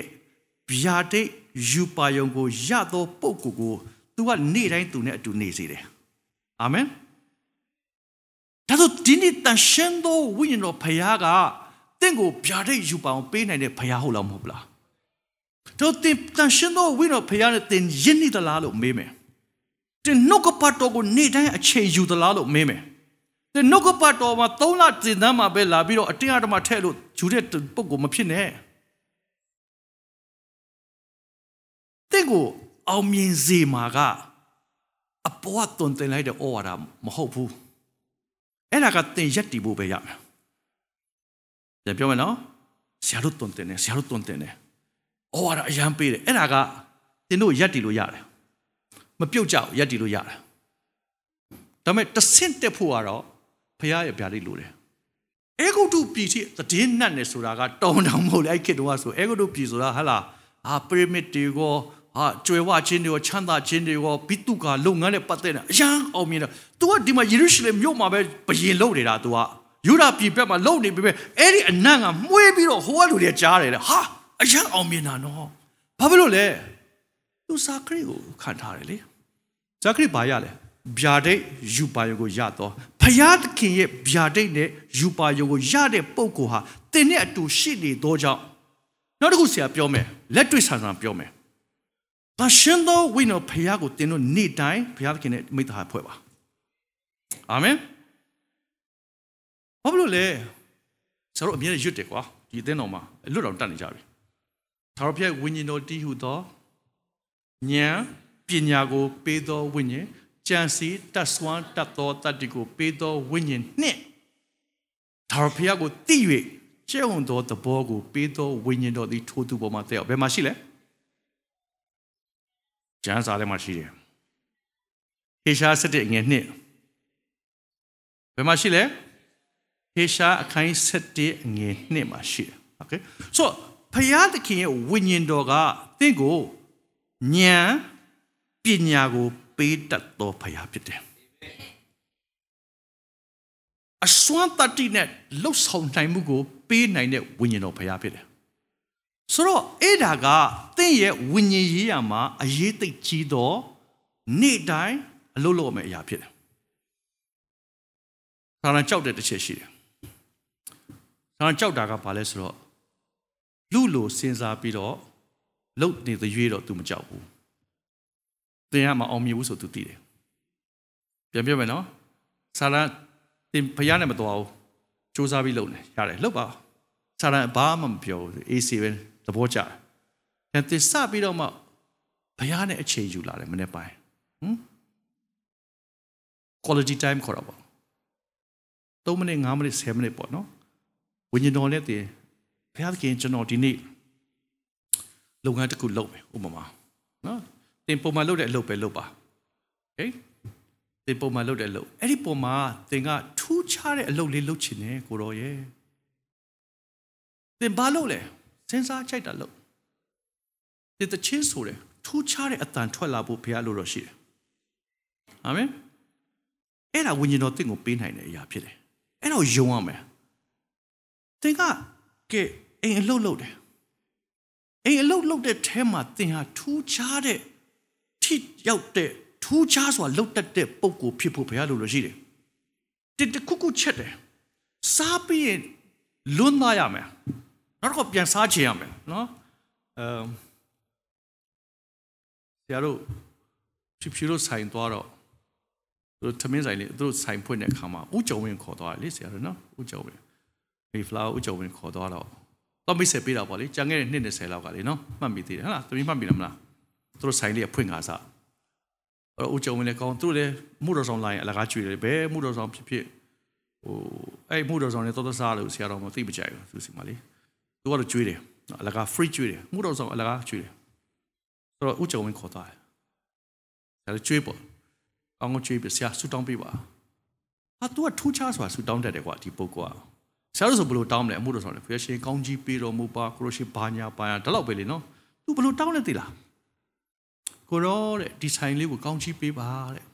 လာစားတဲ့လူတွေကလေအိမ်ပြန်သွားရင်ပြန်လာစားခြင်းတဲ့သဘောပဲလုပ်ပေးပါဟာဆရာကြွေသွားတယ်ဟာဟာတကယ်တော်တာပဲဒီဒီဒီဆူတောင်းချက်ကထူးခြားတယ်ကွာလို့နော် तू ကလူခါမဲ့တဲ့ပိုက်ထိနိုင်တော့ต้องกลับมาตลอดเนาะมวนไปก็เข้ามาเลยอย่างงี้ใช่ไหม ဒီလူကတခါစားပြီးရင်တဲ့စဉ်းစားရှိတော့အရသာအရန်ကောသူစုမတောင်းသူဘာတောင်းလဲအဲ့ဒီလူကတတိယပြီးတော့တဲ့နော်ပြန်လာပါစေတဲ့အဲ့ဒါဒီနေ့အထိဖြစ်နေတယ်လို့ဆရာထင်တယ်သူတို့ဘယ်ရွှေ့ရွှေ့လိုက်တယ်အဲ့ဒီအဖွဲတွေသူတို့တတိယလည်းဟိုရွှေ့ဒီရွှေ့ဟိုဒေါင်ရွှေ့ဒီရှောင်းရွှေ့နော်ရောက်မကောင်းတဲ့ဒေါင်တွေသူတို့ပို့တာဘာလို့ဆိုတော့သူတို့သူတို့နေတဲ့နေရာရောင်းကောင်းတော့ ဈေးတင်ပြီးငှားတာလေတခြားလူတွေကသဘောပေါက်လားမသိနော်။အော်သူတို့ကရွှေ့ပေးရတယ်ခဏခဏရွှေ့ပေးရတယ်။ဖုန်းဆက်ပြီးဆရာရဲ့ကျမသမီးတို့ရွှေ့ခိုင်းမြန်ပြီ။ဟေးဖခင်နာမနဲ့သွားတယ်ရွှေ့ပြဿနာမရှိရွှေ့ဟိုတောက်ရောက်လဲဟိုနောက်ရောက်လဲဟာစုံနေတာပဲဆရာတို့လည်းသွားတာအချိန်မော9ချိန်လောက်ရွေ့ခံရတယ်အဲ့နေရာလေးမှာ။ဒါပေမဲ့လူခါကမပြေးဘူးမပြောက်ဘူးလိုက်လာတယ်ဘာဖြစ်လို့လဲ ထူးခြားတဲ့အမှုကိုပြုတ်တတ်တဲ့ဘုရားဖြစ်တယ်အာမင်ဆိုတော့သင်အောင်မြင်ခြင်းဟာအစွမ်းတတ္တိလို့ပြောလာတော့ကြောင့်ဘုရားသခင်အဲ့ဒီအစွမ်းတတ္တိကိုဆွဲတင်နိုင်တော့ဘုရားဖြစ်တယ်အဲ့ဒါကိုကျွန်တော်ယုံတတ်ဖို့အရေးကြီးတယ်တဲ့လှုပ်တဲ့အခါမှာအကောင်းဆုံးဖြစ်အောင်လုပ်ပါထူးခြားစွာလုပ်ပါထူးခြားတဲ့အမှုဖြစ်ပါစပင်ညက်တဲ့လူတွေထူးခြားတဲ့ကြပေါ့နော် သူများကြည့်လို့ရှိရင်ပုံကပေါ်သွားမယ်လေနော်သဘောပေါက်လားနော်နှစ်ခါတော့ပြန်မလာဒုက္ခပဲပညာယူပါနော်ဆရာမင်းဆက်ဇနီးတွေဆရာသတိထားမိတယ် तू ပန်းနေပါလှုပ်လို့ဟာနော်သူ့ရဲ့ဖះเจ้าမှာဆရာအဲ့ဒါသတိထားမိတယ်အရန်တော်တယ်ဒီမှာပန်းထိုးခိုင်းနော်သူဒီမှာ3လရှိပြီအလကားနေတယ် तू ပန်းထိုးခိုင်းတယ်ဆရာမချက်ချအရန်တော်တယ်ဒီဆရာမ သူ့တင်းတော်ပါဆရာလည်းကြည်တာပေါ့နော်ဒီလိုပဲဟိုဖြစ်တဲ့နေရာလေးမှာဆရာသတိထားမိတာရှိတယ်ဒီနေ့ဘုရားသခင်ကမောရှေကိုတော်မှထူးဆန်းစွာလုံနိုင်တဲ့ပုံကိုယ်တွေတင်ထားရင်တင့်ကိုလည်းဘုရားသခင်မပေးနိုင်ဘူးလားပေးနိုင်တယ်ဘာသင်ဖြစ်နေပြီလေဒီတာဝန်ယူရတော့မှဖြစ်တယ်တော့ကိုယူထားတဲ့တာဝန်ပေါ်မှာအကောင်းဆုံးလုပ်ချင်တဲ့နှလုံးသားဟာဘုရားသခင်မင်္ဂလာဖြစ်တယ်တဲ့တော်တော့ပါပြီဆိုတဲ့လူကိုဘုရားသခင်သုံးမသုံးအဲ့ဒါတာမန်ပဲ ဘုရားသခင်တာမန်တဲမှာနေတဲ့ဘုရားမဟုတ်ထူးခြားစွာလုပ်တဲ့ဘုရားဖြစ်တယ်ဒါတော့မို့သူအိုးစီကဗျာဒိတ်ယူပါယုံရတော့ဇာခရိကိုခန့်တဲ့အခါမှာဇာခရိနဲ့ဘုရားသခင်ကိုစီးကပ်သမျှကာလပေါ်လုံးအကြံအောင်သွားတယ်။အောင်ပါပေါ့ဘုရားသခင်ရဲ့ယူပါယုံကအောင်မြင်စေခြင်းနဲ့ယူဘုရားသခင်ဗျာဒိတ်တော်ကယူအောင်မြင်စေခြင်းနဲ့အဲ့ဒီအောင်မြင်ခြင်းကိုတစ်ဆင့်တစ်ဆင့်တစ်ဆင့်ရအောင်ယူသွားတဲ့အခါမှာအောင်သွားတာပေါ့။တော့တဲ့တဲ့ထားတဲ့မှာနေ့တိုင်းဘုရားသခင်နဲ့သွားကြည့် တကယ်ပြောတာ။တိတ်တထောင်ပေးရင်ဆင်းရဲတဲ့လူကမချမ်းသာဘူးတဲ့မှန်လားဆင်းရဲလူဆရာတိတ်တထောင်ပေးရင်အဲ့လူချမ်းသာမလား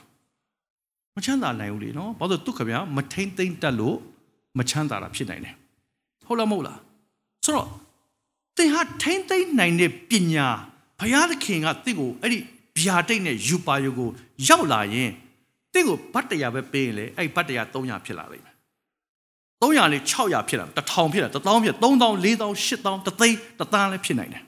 ဘာဖြစ်လို့လဲတဲ့တက်တာထဲမှာလုံနိုင်တဲ့အစွမ်းတတ္တိကိုဝိညာဉ်တော်ကပေးမှဖြစ်တယ်ဒါတော့ငွေကအရေးမကြီးဘူးဘုရားသခင်ရဲ့ဝိညာဉ်တော်အရေးကြီးတယ်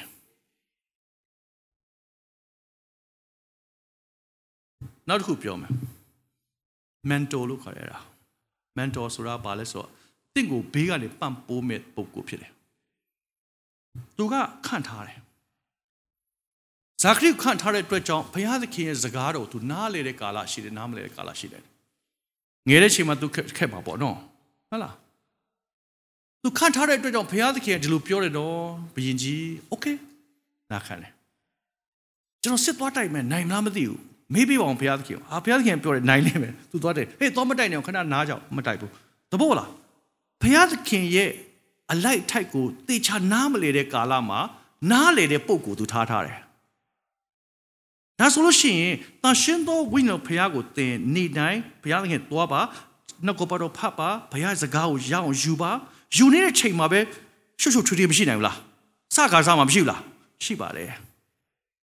သင်ကိုကြည့်ပေးမဲ့ဝိညာဉ်တဘာဝလုပ်ငန်းတဘာဝရှိပေးမဲ့လူလိုတယ်သင်ရှာပါ သင်ရဲ့ဝိညာဉ်ရေးရာကိုကြည့်ပေးမဲ့ပုံကိုလိုတယ်သင်ရုပ်ဆရာတွေကိုရှောက်မကြည့်နဲ့လာမယ်ဆရာစောမင်းလုပ်ပြမလုပ်ပြဘူးနော်ဆရာလည်းများပြီအများကြီးပဲဆရာလုပ်ပေးတယ်အများကြီးရှိတယ်တခါလေးမှာဒီနေ့ဆိုလဲမြကြီးနားဖုန်းဆက်တယ်ဆရာဆရာတို့တို့ဖြစ်တယ်ဆရာဘယ်လိုလုပ်မလဲသူကဆရာကိုဆရာလက်ခံထားတယ်လို့ရှိတယ်နော်โอเคဆရာနားထောင်နားထောင်နားထောင်ပြီးတော့ဆရာတခုပဲပြောပဲတို့တို့လုပ်ဟာဟုတ်ပြီဆိုတော့တခါတလေမှာဝิญကြီးရမှာယဉ်ကျက်တဲ့ပုဂ္ဂိုလ်နော် အဲပြီးတော့မှကိုကိုဥဆောင်ပေးနိုင်တဲ့ပုဂ္ဂိုလ်အဲ့ဒီပုဂ္ဂိုလ်တွေကမကောင်းပြောလို့မရအောင်သင်ရဲ့ငေချိုးငင်တာတွေရှောက်ပြောလို့မရအောင်တခါကြတော့လေဟိုပါဇက်မလုံတဲ့အခါမှာပြောရတာခက်တယ်လေနော်ဆိုတော့ကိုကသိရမယ်ဆရာမှလည်းရှိတယ်ဆရာအတွက်မန်တိုလို့ခေါ်တဲ့နှစ်ယောက်လောက်ဆရာထားထားတယ်တဲ့ကြည်သူဖြစ်တယ်သူတို့နဲ့ဆရာစကားပြောတယ်သူတို့ဆရာဝิญဉ်သဘောဆရာယူတယ်ပညာသဘောကိုယူတယ်လူသဘာဝသဘောယူတယ်လုပ်ငန်းသဘောယူတယ်ဒါတွေအားလုံးက ဩစီကဘုရားသခင်ရဲ့ဗျာဒိတ်ယူပါအောင်ရထားသောဇာခရီကိုခတ်ထားတာဖြစ်တယ်တင်တို့အဲ့လိုလူမျိုးကိုစီတောင်းပြီးရှာအာမင်ဒါပေမဲ့အထဲမှာအကြီးမြတ်ဆုံးကတန်ရှင်သောဝိညာဉ်တော်ဘုရားဖြစ်တယ်တန်ရှင်သောဝိညာဉ်တော်ဘုရားတဲ့ယင်းနီလာလို့ရှိရင်တော့တင်းကိုစာပြောပေးဆိုတော့ယင်းနီပင်မဲ့သူပြောတော့မကြားတဲ့ကာလလေးမှာမန်တိုဆိုတဲ့လူတယောက်ပုဂ္ဂိုလ်တယောက်လိုလေးမယ်ဟုတ်ပြီလားကောင်းပြီအဲ့ဒါကြောင့် သူ့တည်င်းကမှုေးတယ်တဲ့အောင်မြင်ခြင်းရောက်တယ်ကောင်းပြီ तू အောင်မြင်ပြီလားအောင်မြင်ပြီအောင်မြင်လို့ရှိရင်ဘုရားကြောင့်မလာတော့ဘူးဟုတ်လားဟုတ်လားမဟုတ်ဘူးပို၍ဘုရားနဲ့သွားဖို့လိုလားမလိုလားလိုတယ်နော်ဆိုတော့ तू ကအောင်မြင်လာတဲ့အခါမှာ तू ဘာဆက်လုပ်လဲကြည့်အောင်အဲ့ဒါသိရေးကြည့်တဲ့အရာဖြစ်တယ်အောစီမင်းဒီအငယ်ကိုအောစီမင်းဒီယေရုရှလင်မြို့ဒေါန်တကာဂျိုင်တကာ မြို့ရိုးကွေတကား၌ရဲတိုက်တို့ကိုတီ၍ခိုင်ခန့်စေတယ်ဆိုတော့သူ့ကိုယ်သူခိုင်ခန့်အလုပ်တဲ့အခါမှာဘာနဲ့အရင်ဆိုတော့ရဲတိုက်တွေကိုတီတယ်တဲ့ကဲရဲတိုက်ဆိုတာဘာအတွက်ဆောက်တာလဲရဲတိုက်ဘာလို့ဆောက်တာလဲဟမ်ခိုလုံဖို့ခိုလုံဖို့ဆိုတာမှန်တယ်နောက်တစ်ခုပါလဲကာကွယ်ဖို့ကို့မှာရှိတဲ့ကြွယ်ဝခြင်းအောင်မြင်ခြင်းအရာကိုလူလာမယူအောင်လို့မှန်လားမဟုတ်လားဟုတ်လားမဟုတ်လား ဆိုတော့ထာဝရဘုရား၌အမှုကိုအပ်လို့ရှိရင်ခိုလုံလို့ရှိရင်လုံခြုံတယ်လို့ပြောလားမပြောဘူးကိုယ်တည်းတစ်ခုတည်းမြောက်သွားဆလာမှာပြောရလေဟုတ်တယ်နော်ဒါပေမဲ့ယန်သူကတင့်ရဲ့အရာကိုလာယူလို့မရအောင်တင့်ရဲ့အသီးနှံကိုပိုးမထိုးရအောင်တင်းရဲ့စိုက်ပြိုးတဲ့အပင်တွေမပေါက်ပဲမနေရဘူးအဲ့ဒီအကောင်တွေငါဆုံးမထားမယ်ဆိုတဲ့နှုတ်ကပတ်တော်ရှိလားမရှိလားဘယ်မှလဲအဲ့ကြံပဲအကြောင်းဘာအကြောင်းပြောတာ ဂတိတော်ရှိတယ်နော်တင်းကကြွယ်ဝခြင်းကိုဘယ်သူမှလာထိလို့မရအောင်ကွာကာတဲ့နေရှိတယ်ရေးလိုက်တည်တဲ့နေရှိတယ်တော်တော်များများကကြွယ်ဝခြင်းမှလေဖျားပြီးပါသွားတာလို့ပလိတ်ကပြန်ပါသွားတာလို့ပွဲစားလိန်သွားတာလို့ရှိလားမရှိလားကြွယ်ဝတော့ကြွယ်ဝတယ်အောင်မြင်နေအာရေးလေလေရတယ်ဘာမှမကြံတဲ့လူတွေရှိတယ်ရှိလားမရှိလားအဲ့တော့ဘုရားသခင်ကောင်းကြီးမပေးတာမဟုတ်ဘုရားသခင်လက်တော်မရှိတော့တာဖြစ်တယ် ဣသရေလမျိုးတွေကဂတိတော်မြေထဲမှာနေတဲ့အခါမှာဂတိတော်နဲ့ဆက်ဆိုင်တဲ့မင်္ဂလာတွေအကုန်ရတယ်သူတို့စိုက်တာအကုန်တီးတယ်အကြီးတွေတီးတာဒါပေမဲ့အသီးတွေတီးပြီဆိုရှင်ဘာလဲပါလက်တိနလူတွေကလာလာပြီးတော့မှပါလက်စတိုင်းလေနော်ဒီဘာလဲဂေါလိယတ်တို့ဘာလို့တွေလာလာပြီးသိမ့်ပိုက်တယ်ဆိုကြာဖတ်ဘူးရမလားဟမ်သူတို့တွေအကုန်အောင်ပြီဆိုတော့မှဂီးတောင်တို့ဘာလို့ဆိုတော့ဘာလို့ကြောက်နေတာလဲဖခင်ကလူဘာလို့ကြောက်လဲအသင်းနဲ့ထွက်တယ် ထွက်ခါမှရန်သူလာသိမ်းသွားတာဖြစ်တယ်တင်းသက်တာထဲမှာတစ်ခါလေးမှသင်အောင်မြင်ပေမဲ့ငွေတသိန်းရပေမဲ့တသိန်းမကြံဘူးဆိုရင်တတိထားဖို့လိုတယ်တင်းသက်တာမှာရှိတဲ့အရာကိုကာကွယ်ခြင်းကဘယ်မှာရှိလဲဆိုရင်ကာကွယ်ထားဖို့လိုလားမလိုလားရေးတိုက်တီထားဖို့လိုလားမလိုလားရေးတိုက်ဆိုတာလေရန်သူဝင်လာလို့မရအောင်ကာထားတာဖြစ်တယ်အဲ့ဒါပညာလို့ခေါ်တယ်ရေးတိုက်ဆိုအဝေးကရန်သူလိုက်မြင်တယ်ဝင်လာလို့မရအောင်ကာထားနိုင်တယ် အဲ့ဒီအရေးတိုက်ကိုသူဟာတောင်းတွေမြို့တွေအကုန်ကာထားတယ်ဒီဘယင်ကအပမခံဘူးငါလခိခိုင်းတော့မာလခိဆိုသိလားဘယ်နာမှာလဲကဘာချာစာနောက်ဆုံးကြပိုက်ဆိုတော့ဟိုဗျာဒိနာသွားလှန်တဲ့အဖွဲ့ရှိလားမသိဘူးဒါမှဟောင်းမှာနောက်ဆုံးဖြစ်တယ်နော်ခိုင်းတော့စာမျက်နှာ963ရှိ ဆရာငယ်7ခုပါအရှိပိုင်းမှာဆေဘိုးတို့ပေးတဲ့အကြောင်းပါတယ်ဟုတ်ပြီလားဆေဘိုးတို့ပေးကောင်းဝင်တစ်ခေါက်ဖွင့်ပြီးတော့ကြီးကျယ်ပေးမယ်ဆိုတဲ့ဂတိတော်ဆရာအရန်ကြိုက်တယ်နော်ဒါပေမဲ့ဘုရားကအဲ့လောက်ပဲရက်တယ်ဘုရားမဟုတ်ဘူးအောင်စက်တိကောင်းတယ်ဘာပြောလဲသိလားကိုက်စားတတ်သောအကောင်တို့ကိုတင်တို့အတွက်ငါဆုံးမထားမယ်ဆိုတော့ကိုက်စားရဲဆိုတာတင်မရှိတဲ့ဟာကိုလာပြီးတော့ခိုးတာလေစာတန်ရဲ့ခိုးယူခြင်းလေ လုံးဝအပါမခံရအောင်လို့ဆယ်ဖို့တစ်ဖို့နဲ့ကာထားတယ်ဆယ်ဖို့တို့ပေးတဲ့မင်္ဂလာကကောင်းကင်တကားပဲဖွင့်ပြီးတော့ကောင်းကြီးပေးမှထက်မကကြွယ်ဝခြင်းရှိပြီးသားကို အကောင်မကိုက်အောင်လုပ်ပေးမယ်အာမင်ပြီးတော့သူဆက်ပြောတာရှိတယ်ငါဆုံးမပြီသင်ဤမြေအသီးနှံကိုမဖျက်ဆီးရတယ်အသီးနှံမဖျက်ဆီးရဆိုသင်ရက်ကိုရိတ်ရမှာဖြစ်တယ်ဟာလေလုယာ ဆိုတော့များစွာသောကျွန်တော်ခရိယန်တွေကယုံကြည်သူတွေကမသိတာမဟုတ်ဘူးသိလဲသိတယ်လုပ်လည်းမလုပ်ဘူးအဲ့ဒီကိစ္စအော်ဆရာကောင်းနော်ကျွန်တော်ဖေကဘာပြောသေးလားတင်တို့ရဲ့စပြည့်ဥယေကိုအသီးကိုမသိပဲမနေရဟုကောင်းကင်ဘိုးကြီးရှင်ထာဝရဘုရားမိန်တော့ဘယ်သူပြောတာလဲကောင်းကင်ရှင်ထာဝရဘုရားကမိန်တာကိုတော့မှမထီလေးစားမယုံတဲ့ဖွဲ့တွေရှိတယ် ဒါဆိုတို့ဆယ်ဖို့တစ်ဖို့ပေးလားဆယ်ဖို့တစ်ဖို့ဆိုတာလေဟာဆယ်ပုံပုံဆယ်ပုံပုံတော့မလောက်တာတပုံပေးတော့ပူတော့မလောက်ဘူးလို့ထင်တဲ့ဖွဲ့တွေရှိလားမရှိလားရှိတယ်မမှန်တဲ့လူတွေလည်းရှိတယ်ဆယ်ဖို့တို့မမှန်တဲ့ဖွဲ့တွေရှိတယ်ဆယ်ဖို့တို့ပေးစားမလို့ပါဘူးခုခေတ်ကျမလို့တော့ငါအကုန်ပေးတယ်ဆိုပြီးမှနော်ရတဲ့လာတာတသောင်းခွဲကိုကောက်ပြီးပုံမြစ်လိုက်ဖေကကတော့ကြက်နာကိုအောက်ကိုကြက်တာကျွန်တော်အပြန်ယူမှာပဲဆိုရင်တော့ဟဲ့လားအပေါ်မြက်လိုက်တယ်အထုတ်လိုက်15000ဟဲ့လား ဘတ်15000ပြစ်လိုက်ဝါဆိုကိုတော့လိုချင်တော့ယူအမဲပြုတ်ကြတာကျွန်တော်ယူမဲတဲ့အခုပြန်ကြတာပေါ့နော်ဆိုတော့ဘုရားသခင်ကိုသင်တစ္ဆာဝတ်ပြုတယ်ဆိုတာလေ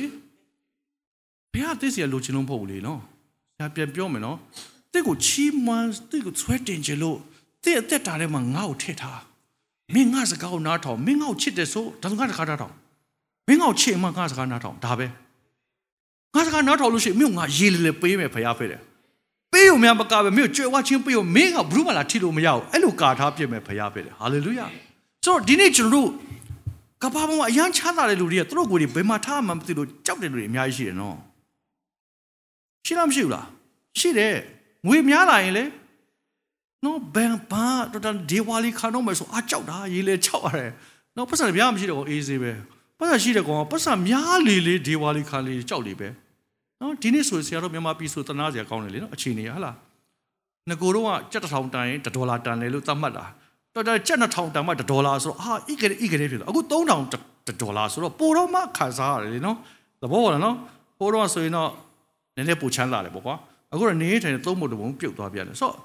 ဟိုငွေသိမ့်များတဲ့ပုံကိုယ်တွေကသူတို့ငွေကိုဘယ်မှာလုံခြုံမလဲလို့စဉ်းစားတာဖြစ်တယ် ကြွယ်ဝချမ်းသာလာလို့ရှိရင်အောဇိက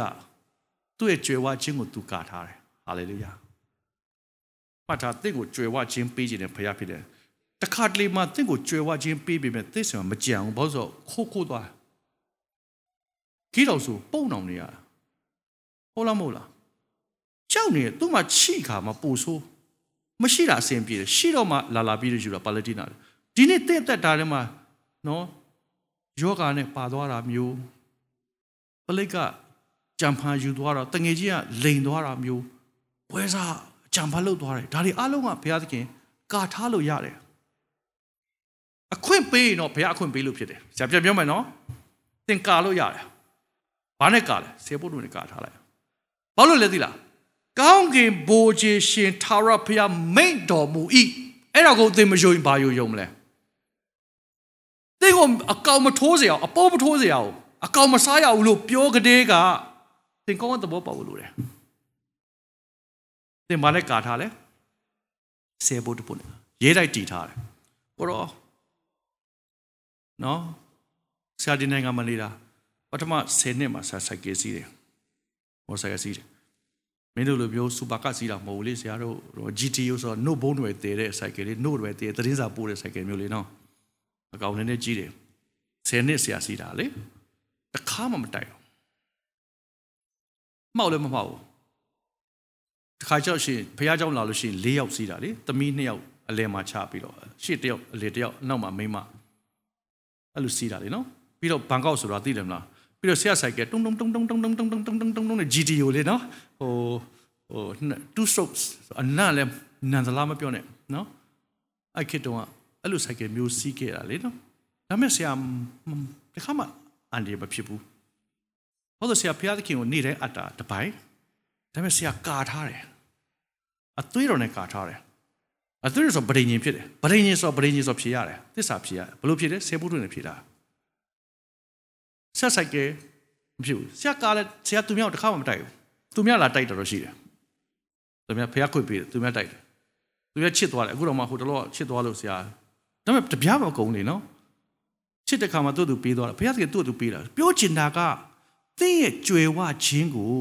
ခိုးလို့မရအောင်ကာလို့ရတယ်အချင်းကြီးမဖြစ်သွားအောင်ဘုရားသခင်လုပ်ပေးနိုင်တယ်တဲ့တံဖိုးကိုဘုရားသခင်မလျော့သွားအောင်လုပ်ပေးနိုင်တဲ့ဘုရားဖြစ်တယ်အဲ့ဒါကိုအောစီမင်းသိတယ်။ဒါတော့သူရေးတိုက်တည်ထားတယ်ရန်သူအဝေမခံဘူးဒီနေ့ကျွန်တော်ယုံကြည်သူတွေတ င့်ကိုဘုရားသခင်ကြွယ်ဝခြင်းတလောက်ပေးထပ်ပြီးတော့ပေးခြင်းနဲ့ဘုရားဖြစ်တယ်ကျွန်တော်တင်တလောက်ရတဲ့ခါပြန်ကြသွားလိုက်ပြန်ရလိုက်ပြန်ကြသွားလိုက်ပြန်ရတော့ဆိုဆိုရှိတယ်ရှိတယ်အဲ့လိုလူမျိုးတွေပြန်စစ်စစ်ပါအရန်လွယ်တယ်ဘုရားပဲလိုက်တာဘုရားသခင်တင့်ကိုအရန်အောင်မြင်စေခြင်းနဲ့ဘုရားလေတော့ဗျာဒိတ်ယူပါယုံစေစကလုံးကဗျာဒိတ်ဆိုဘုရားသခင်ရဲ့အောင်မြင်ခြင်းတင့်မှာရှိတယ်တင့်ပေါ်မှာရှိတယ်ယူပေါင်းဆိုဘယ်လိုယူမလဲဘယ်လိုကာမလဲအဲ့ဒါပညာ အာမင်ဒုတိယတစ်ခုဒုတိယတစ်ချက်သူလောက်တာရှိတယ်ဘာလဲဆိုတော့ရေတွင်းများကိုလည်းတူးတယ်တဲ့ရေတွင်းဆိုတာပါလဲအောက်တာလေရေတွင်းဆိုတာရေအမြဲတမ်းထွက်တာရေတွင်းဆိုတာစမ်းရည်နဲ့တွဲတယ်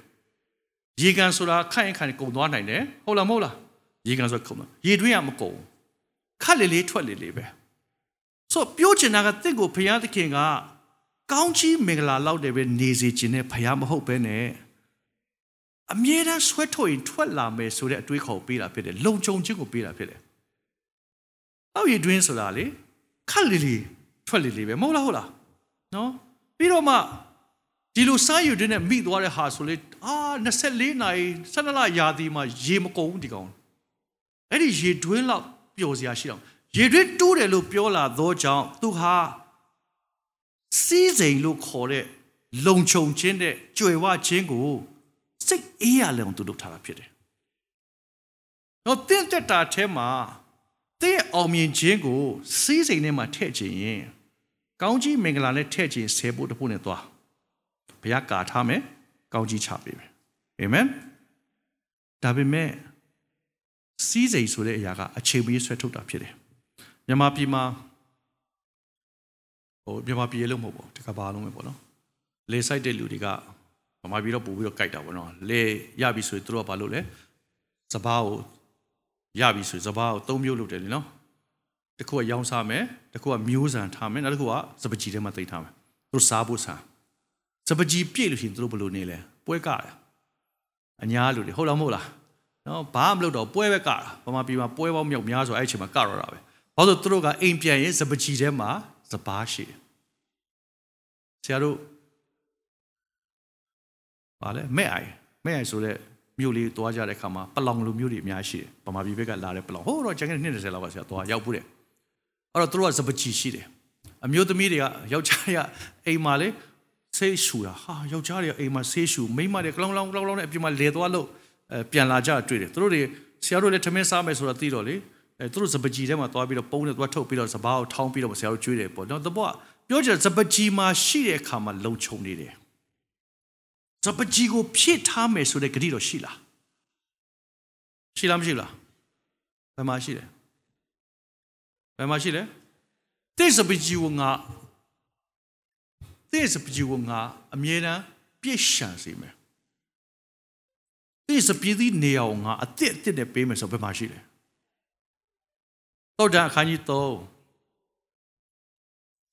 စဉ်းစားကြည့်အောင်တော့တန်အခန်းကြီး3 တော့တန်ဘယ်နားမှာရှိလဲဟမ်ဆာလံပြီးတော့တော့တန်ပေါ့ဟုတ်လားငယ်ကို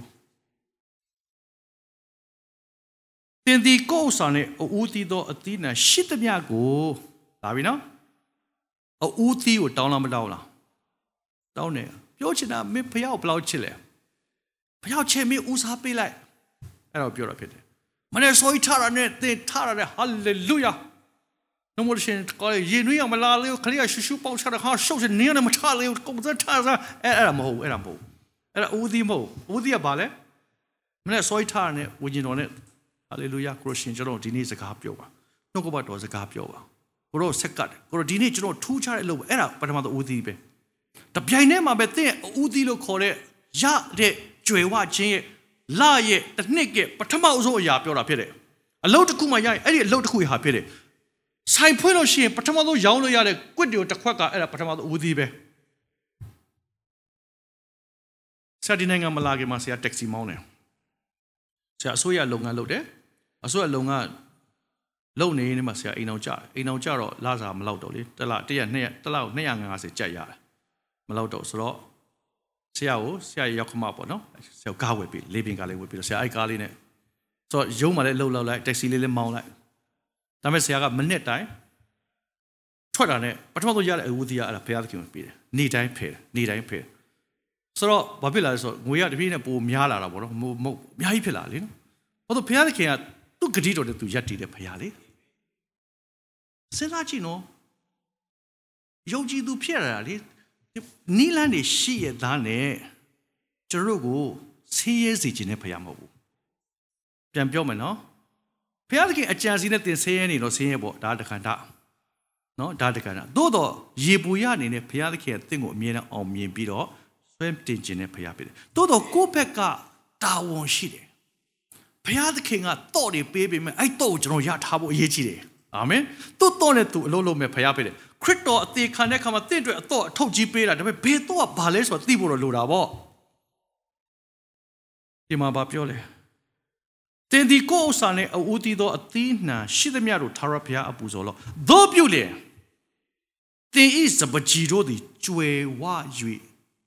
စပကြီးဘာဖြစ်မလဲကျွယ်ဝမှာစပကြီးဆိုတာအချိန်မီဆွဲထုတ်တာကိုပြောတာဖြစ်တယ်လိုတဲ့ချိန်မှာဆွဲထုတ်တာဖြစ်တယ်တင့်ကိုဘုရားသခင်အဲ့လိုထိကောင်းချီးပေးခြင်းတယ်ဆရာလည်းစချန်ခဲ့တဲ့ပတ်ကဆရာဗီယက်နမ်သွားတယ်လေနော်လေးရက်သူများဖိတ်လို့ဆရာသွားကြတာပေါ့နော် သူများဖိတ်တယ်ဆိုတာမစ်ရှင်တစ်ခုကဆရာတို့ဖိတ်ပြီးတော့မှအဲ့ဒီမှာထားပေးတယ်လေဆိုဆရာသွားပြီးနားရဒါပေမဲ့နောက်တစ်ရက်ကဆရာဆရာအခန်းငှားပြီးနေကြမိသားစုသွားကြတကယ်တော့ဖိတ်တာနှစ်ယောက်တည်းပဲသမီးတယ်လိုက်ချင်တယ်ဆိုတော့သူတို့ဒီဈေးပြီးသူပြီးလိုက်လာတာပေါ့ဆိုတော့ဟိုမှာဆရာတို့သုံးရပါတယ်နော်ဟိုသုံးဒီသုံးလေးတွေသုံးရပါတယ်သုံးတဲ့ခါမှာဆရာစဉ်းစားကြည့်တော့လေတွက်တရတာမရှိတော့ဘူးလေနော်တွက်လိုက်ပြုတ်လိုက်ကုံတော့မှာပဲဆိုပြီးမှစဉ်းစားတဲ့ကာလမဟုတ်ဘူးလေဘုရားသခင်က အဲ့လိုအဆင့်တစ်ခုရောက်လာစေတာကတဖြည်းဖြည်းတဖြည်းဖြည်းနဲ့တော့ဖြတ်သန်းပါတယ်နော်ဆရာတို့မင်းတို့လိုပဲနေတိုင်းဒူးထောက်ပြီးတော့မှမြိတ်ရည်နဲ့တောင်းခဲ့တဲ့နှစ်ပေါင်းလဲကာလတစ်ခုရှိပါတယ်ဒါလဲဆရာတို့ဖြတ်ကျော်ခဲ့ပါတယ်ဒါမဲ့ဘာလို့လဲဆိုဆရာတို့ကဆေဘုတ်တဖို့လဲဆရာတို့နော်ဘုရားသခင်နဲ့ကာထားတယ်ဆိုတော့ဒီလောက်လောက်လေးမှာကြွယ်ဝခြင်းကိုသူများမယူအောင်လုပ်ထားတယ်အာမင်နော် ပြီးတော့မှဘုရားသခင်ရဲ့ဆက်ဆိုင်တဲ့အရာကိုလည်းအိုးသီးတော်တိကိုလည်းဘုရားသခင်ပေးထားဘုရားတက်လာတက်လာတက်လာတက်လာအဲ့တက်လာခြင်းတွေကဒီနေ့ဆိုရင်ဆရာတူတူလေးပဲနောက်မှလာမေးဆရာပြောမယ်မင်းတို့ဆရာတစ်နှစ်တစ်နှစ်ဘုရားသခင်ဘလောက်ဆရာကိုကောင်းကြီးပေးလဲဆိုတော့တူတူလေးပြောမယ်ဒီမှာမပြောချင်ဘူးပြောလို့မရဘာကြောင့်လဲဆိုတော့သစ္စာရှိတဲ့ဘုရားဖြစ်တယ် တင့်ကိုလေအဲ့လိုပဲမာစာတတ်တဲ့ဘုရားဖြစ်တယ်အာမင်ဒါပေမဲ့တင့်ဘက်ကဝတ်တော်ပြေပေါ့ဝတ်ပေါ်ပြေပေါ့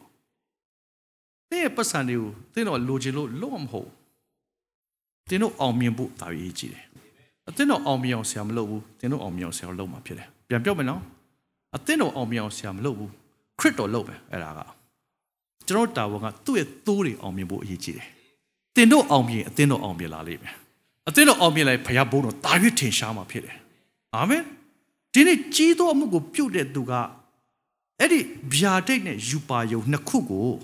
ဘောင်ခတ်တတ်ဖို့လိုတယ်ဗျာဒိတ်တော်ကတော့ကြီးသောဗျာဒိတ်တော်ဖြစ်တယ်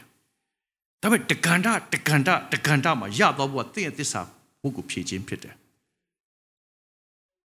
ဒါကြောင့်မလို့သူကစပကြီးကိုဖြည့်ပြီးတော့မှာ စပစ်တိနေရာတစားတို့အသစ်သောစပြည့်နဲ့ဖြစ်ပဲဆိုတော့လုံငါအသစ်တွေဝင်လာမယ်ဆိုတဲ့ဂရိတော်ကဒီမှာဖြစ်တယ်ဦးကျော်ဝင်းကပထမဆုံးသူရတဲ့အိုးတီးပေါ့သူ့ရဲ့အမြတ်ပေါ့သူယူရီးယားမှာအလုပ်လုပ်တော့ပထမဆုံးရတာဘာ6တန်းလားမသိဘူးမမှတ်မိဘူးစမမှတ်မိဖြစ်လည်းဖြစ်မယ်မှန်လည်းမှန်မယ်မိုက်လည်းမှန်မယ်ပထမဆုံးသူရတယ်ဆိုတော့ထမင်းစားတော့မေးကြည့်တော့ ပထမဆုံးစီးပွားရေးတစ်ခုလုပ်တာပထမဆုံးဘာချောက်သားရတယ်ဟာတသက်လုံးမရဘူးလေဗမာပြည်မှာတာချစ်လေးမှာနေပြီးဒီဘက်ချောင်းကိုကူးပြီးလုပ်တာလေအဲ့ဒါနဲ့ဆရာလူမှတ်မိဆရာထုံးမြတ်မှတ်မိပါလေကျွန်တော်ထမင်းဆိုင်မှာစားတော့မေးကြည့်တာလေသူနော်အဲ့တော့ तू ကအဲ့ဒါကိုဒါဘုရားသခင်ဦးဒီဖြစ်တယ်အဲ့တော့ဒါအားလုံးဖះကိုပေးရမှာဆိုပြီးတော့ तू ကတာချစ်လေးနှစ်ချင်းတင်းတော့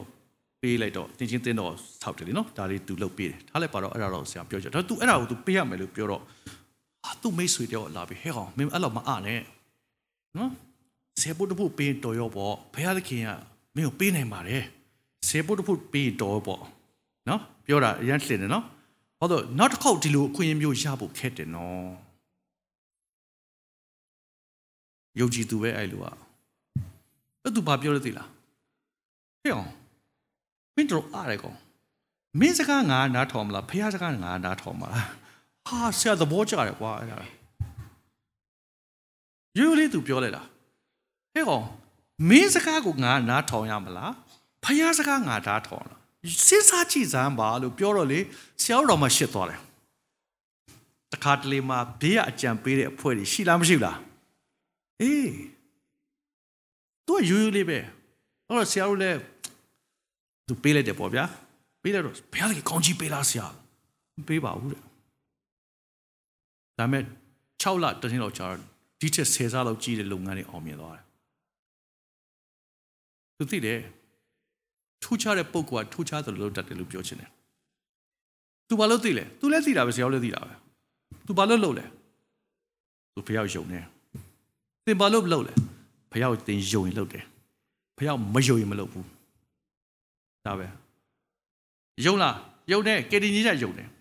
ကျေးဇူးတော်ကြယုံတယ်ပေးရချင်းကြတော့မယုံတော့မယုံတော့မလာဘူးလေမလာဘူးဘာဂရိတော်နဲ့တွဲနေတာသစ္စာနဲ့တွဲနေတာလေနားလည်မသိနော်သစ္စာနဲ့တွဲတဲ့အရာတွေကလုံးမရတယ်လုံးမရလုံးမဆိုတာသင်သိပြီးတော့သဘောပေါက်သွားတာဟာလေလုယာ ဘုရားသခင်ကြီးတော်မှုပြုတယ်ပဲသင်ကိုရအောင်ဆရာသင်နေတာမဟုတ်ဘူးပြန်ပြောမယ်နော်ဒါပေးဒါရမယ်ဒါပဲအဲ့လိုသင်တာမဟုတ်ညီမချင်းသင်တာနှလုံးသားကိုသင်ပေးနေတာသင်နှလုံးသားထဲမှာဘုရားသခင်ကိုကျေးဇူးတင်လိုက်တာကိုတော်ရဲ့ဆိုတဲ့နှလုံးသားနဲ့သင်လှုပ်လိုက်တာမှန်တယ်ရောက်ဘုရားအတိမပြုတ်ပြတာဖြစ်တယ်ဒီကာလကျေးဇူးတော်ကာလလေသင်ဘုရားကိုဘယ်လောက်ချစ်လဲတက်တည်ပြလေကိုရောချစ်ပါတယ်မြေကြီးကြသစ္စာတစ်စက်မှမရှိတဲ့ဟာတော့မိမတော်သင်ကိုချစ်မှာမဟုတ်ဘူး ဟုတ်လားမဟုတ်လားသင်မိမကိုသင်ချစ်တယ်လားစိုးអော်နေတာလေအခြားရေးစားနဲ့ Facebook နဲ့ကြည့်ပြီးတော့အမလီဘာညာလို့ဘယ်လိုဘယ်လိုလုပ်ပြီးတော့သင်သစ္စာရှိလို့ပြောမလဲ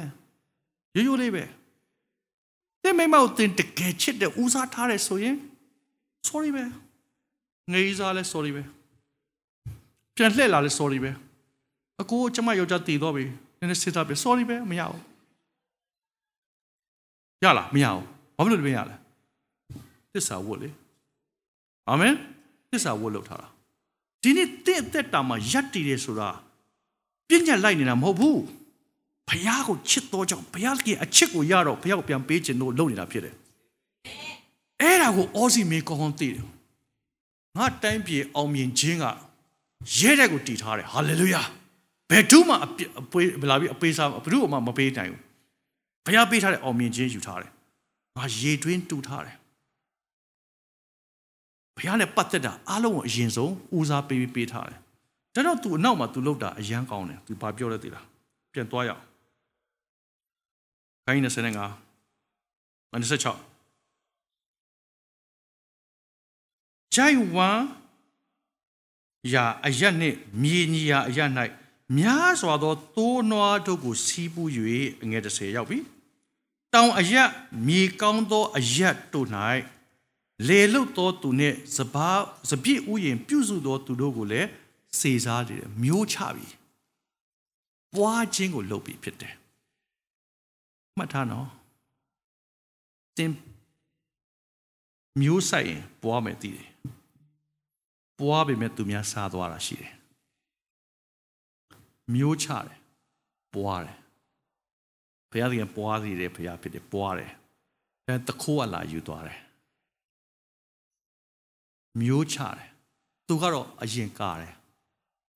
ဘုရားဦးစားပေးတယ်အဝူဒီတော်တီဘုရားနဲ့ပတ်သက်တဲ့သူလှုပ်ထားတယ်ရေတွင်းတူးထားတယ်ပြီးတော့မှသူမျိုးချတယ်နှစ်မျိုးချတယ်တစ်ခုကတလိษံတစ်ခုကအပင်တလိษံဆိုတာစနစ်ရှိတယ်ရှိလားမရှိလားအထီးတွေပဲမွေးထားဘယ်ပွားမလဲအမတွေပဲမွေးထားဘယ်ပွားမလဲသူစနစ်နဲ့ပွားများခြင်းစနစ်ရှိလားမရှိလားအဲ့ဒါပညာခေါ်တယ် အပင်ဆိုင်တယ်အပင်မှာလည်းသူ့မြေကြီးနဲ့သူ့မြေဆွေးနဲ့အချိန်နဲ့ရာသီရှိလားမရှိလားရှိတယ်အဲ့ဒါပညာကဝင်ကြောက်မှာအပင်ဆိုင်ဘယ်ပင်ဘယ်ပွားမလဲမြေကြီးကောင်းတဲ့နေရာမှာစိုက်ထားတယ်မျိုးချတယ်ဟာလေလုယာမျိုးချရင်အပင်ပေါက်ကိုပေါက်တယ်ဘာလို့မြေကောင်းသောနေရာမှာချတာဖြစ်တယ်သင်အသက်တာမှာသင်ကြီးသောမှုအောင်မြင်ခြင်းဆိုတာ လွယ်လွယ်လေးနဲ့ရောက်လာနိုင်တယ်ဒါပေမဲ့ကာထားခြင်းနဲ့စီးစိမ်ထဲမှာနေတတ်တဲ့ဘုရားသခင်အကွယ်ကားလည်းမနေတတ်ဖို့အရေးကြီးတယ်။တော့ထာဝရဘုရားကိုခိုလုံတော့သူတွေက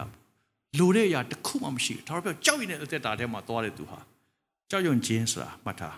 ဘုရားစကားနားထောင်တဲ့သူကိုပြောတာဖြစ်တယ်။ဘုရားကိုကြောက်ရွံ့နေဆိုတဲ့လူကအာဒမအမှုကိုမလုပ်ဘူးလို့ပြောတာဖြစ်တယ်။ဘုရားကိုကြောက်ရွံ့ရေးဆိုပညာရဲ့အချုပ်အခြာကိုပြောတာဖြစ်တယ်။ ဘုရားကိုကြောက်ရွံ့တဲ့အခါမှာကြောက်လို့ပြောတာမဟုတ်ဘူး။ကြောက်ရွံ့နေဆိုတာသင်ဂယုတဆိုင်လိုက်လျှောက်တာကိုပြောတာဖြစ်တယ်။ကြောက်ရွံ့တဲ့ဆရာဆရာမတွေသင်တဲ့အရာကိုသင်သိတယ်။ကပြက်ချေချေပေါ်တော်တော်သင်တဲ့ဆရာမတွေရဲ့အကြောင်းသင်မသိဘူး။မှန်လား။အရန်သဘောကောင်းတဲ့ဆရာဆရာမတွေသင်တဲ့ subject ကိုသင်လို့နားမလဲဘူး။သူ့လိုပဲဝေးဝါးလုပ်ပြီးတော့ပြီးသွားတာ။ဒါပေမဲ့အရန်တုံသင်တဲ့အခါမှာ တိတိကျကျသင်တဲ့စနစ်နဲ့သင်တဲ့သင်ကိုလည်းလုံးဝနားလည်အောင်လုပ်ပေးနိုင်တယ်။သင်အဲ့ဒီလူကိုဂယုစိုက်ပြီးကြောက်တယ်ဆိုရင်သင်နားထောင်တယ်မှန်လားတင်ထာတော်ဘုရားကိုကြောက်ရင်တော်သူတွေပညာရဲ့အချုပ်ချာပြောချင်တာသင်ဘုရားကိုကြောက်တာကိုဆိုလိုတာမဟုတ်ဘူးသင်ဘုရားပြောတဲ့စကားကိုယူဆမ်းပါ be serious အဲ့စကားကအော်ကိုလိုဒီတိုင်းပြောတာဖြစ်တယ်အာမင်ဒီပြေအခန်းကြီးနှစ်နဲ့ဆရာပိတ် ငယ်တဲ့ဆေဆရာအဲ့ဒါကဒီဗီယက်နမ်သွားတဲ့ချိန်မှာဆရာပေးတယ်ဘုရားပေးတဲ့စကားလေးတစ်ခုဖြစ်တယ်ဟေဘရဲခန်းကြီးနှစ်ငယ်30အချောင်းမူကားများစွာသောသားတို့ကိုကယ်တင်၍ဘုံစည်းစိမ်စံစားရာသို့ပို့ဆောင်သောအရှင်သည်ဒုက္ခဝေဒနာအပြင်စုံလင်ခြင်းသို့ရောက်မည့်အကြောင်း ခတ်သိမ်းသောအရာတို့ကိုဖန်ဆင်း၍အုပ်ဆိုးတော်မူသောဖရာသည်စီရင်တော်မူ၏နောက်တစ်ခေါက်ဖတ်မယ်ဒီချာနာထောင်အကြောင်းမူကားများစွာသောသားတို့ကိုကယ်တင်မယ်တင့်ကိုကယ်မယ်ကျွန်တော်ကယ်တယ်ရည်ရွယ်ချက်ကဘာတော့လဲဘုံစည်းစိမ်စံစားရာသို့အဲ့ဒါကယူပါရောအဲ့ဒါက ဗျာဒိဖြစ်တယ်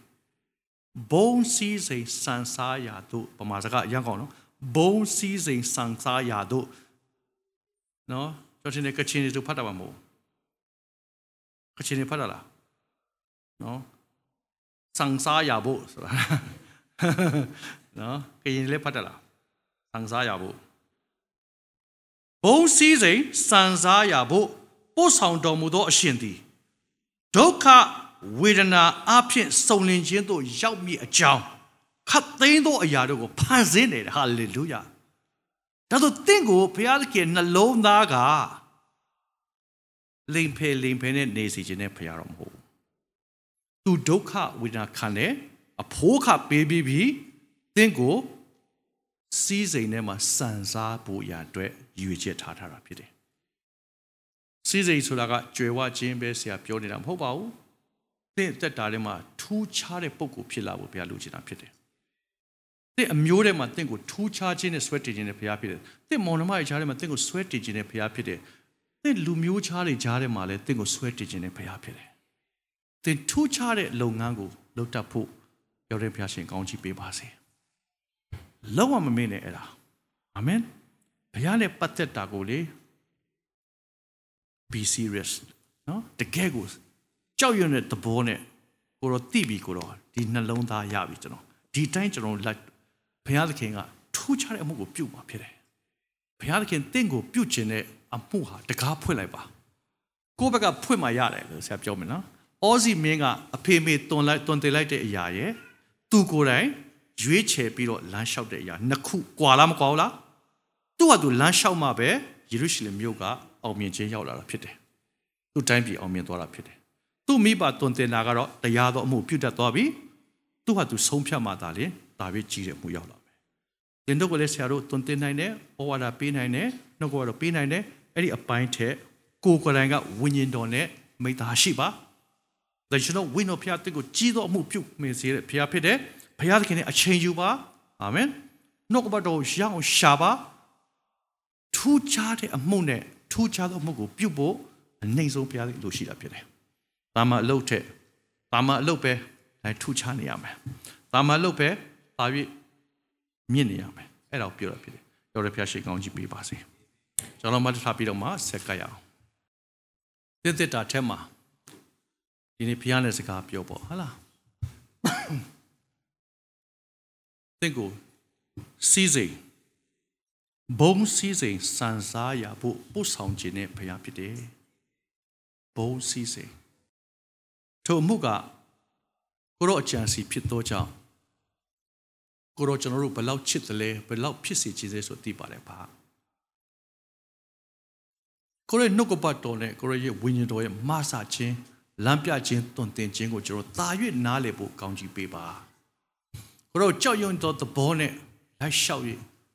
ကိုရောချစ်တော်ကိုရောချစ်တော်ကြောင့်သာသမီတို့သိလာတယ်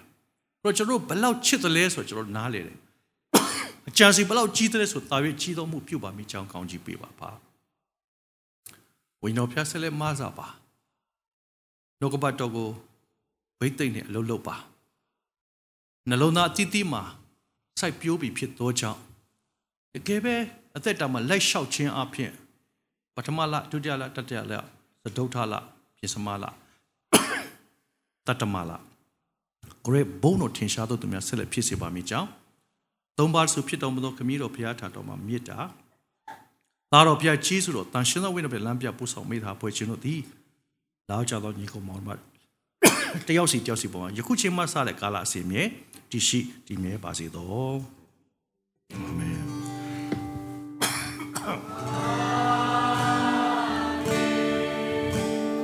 အာ